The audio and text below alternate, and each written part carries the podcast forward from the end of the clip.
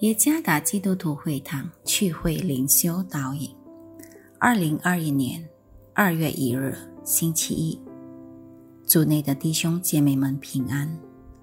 今天的灵修导引，我们将会借着圣经约翰福音十八章三十四节来思想今天的主题：依照神的标准，或是世界的标准。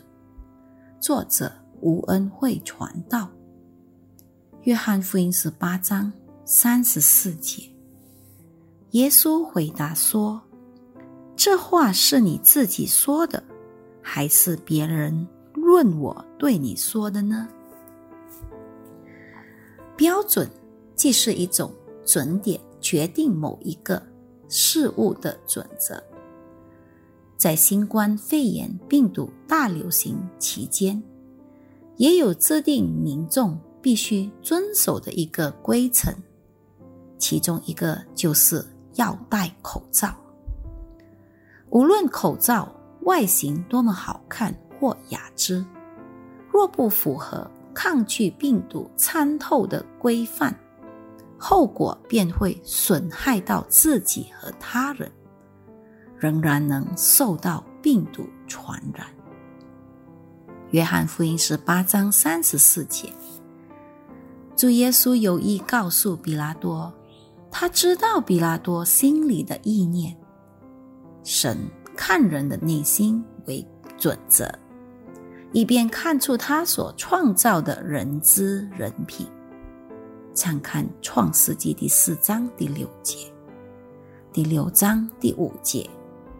十八章十三节，二十一章十二节，诗篇第七篇第九节，二十六篇第二节。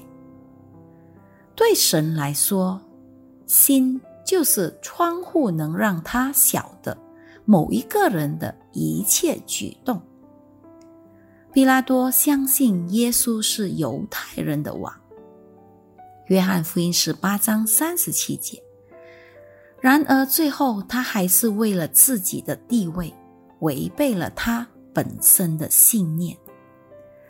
一个历代不变的问题是：我们屡次晓得神的标准，要活在真理中，但我们却活在属世的规范里，不行在真理中。我们经常为自己的利益而与非真理妥协。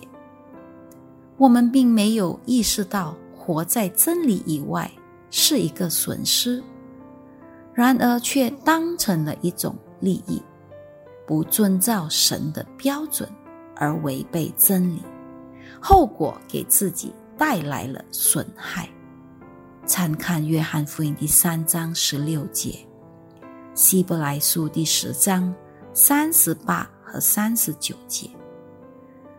成为基督的门徒，既是跟随基督生活的榜样，并且为了神的荣耀，敢付代价。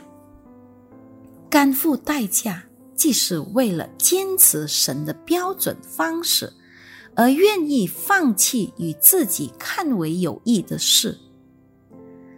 基督宁愿放弃极高的地位，上帝的独生子。而来到世界，甚至为了拯救我们脱离神的正怒，为我们的罪死在十字架上。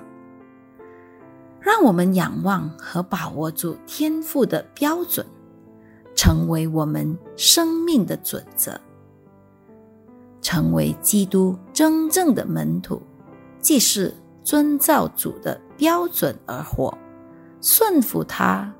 与忠心到底，愿上帝赐福于大家。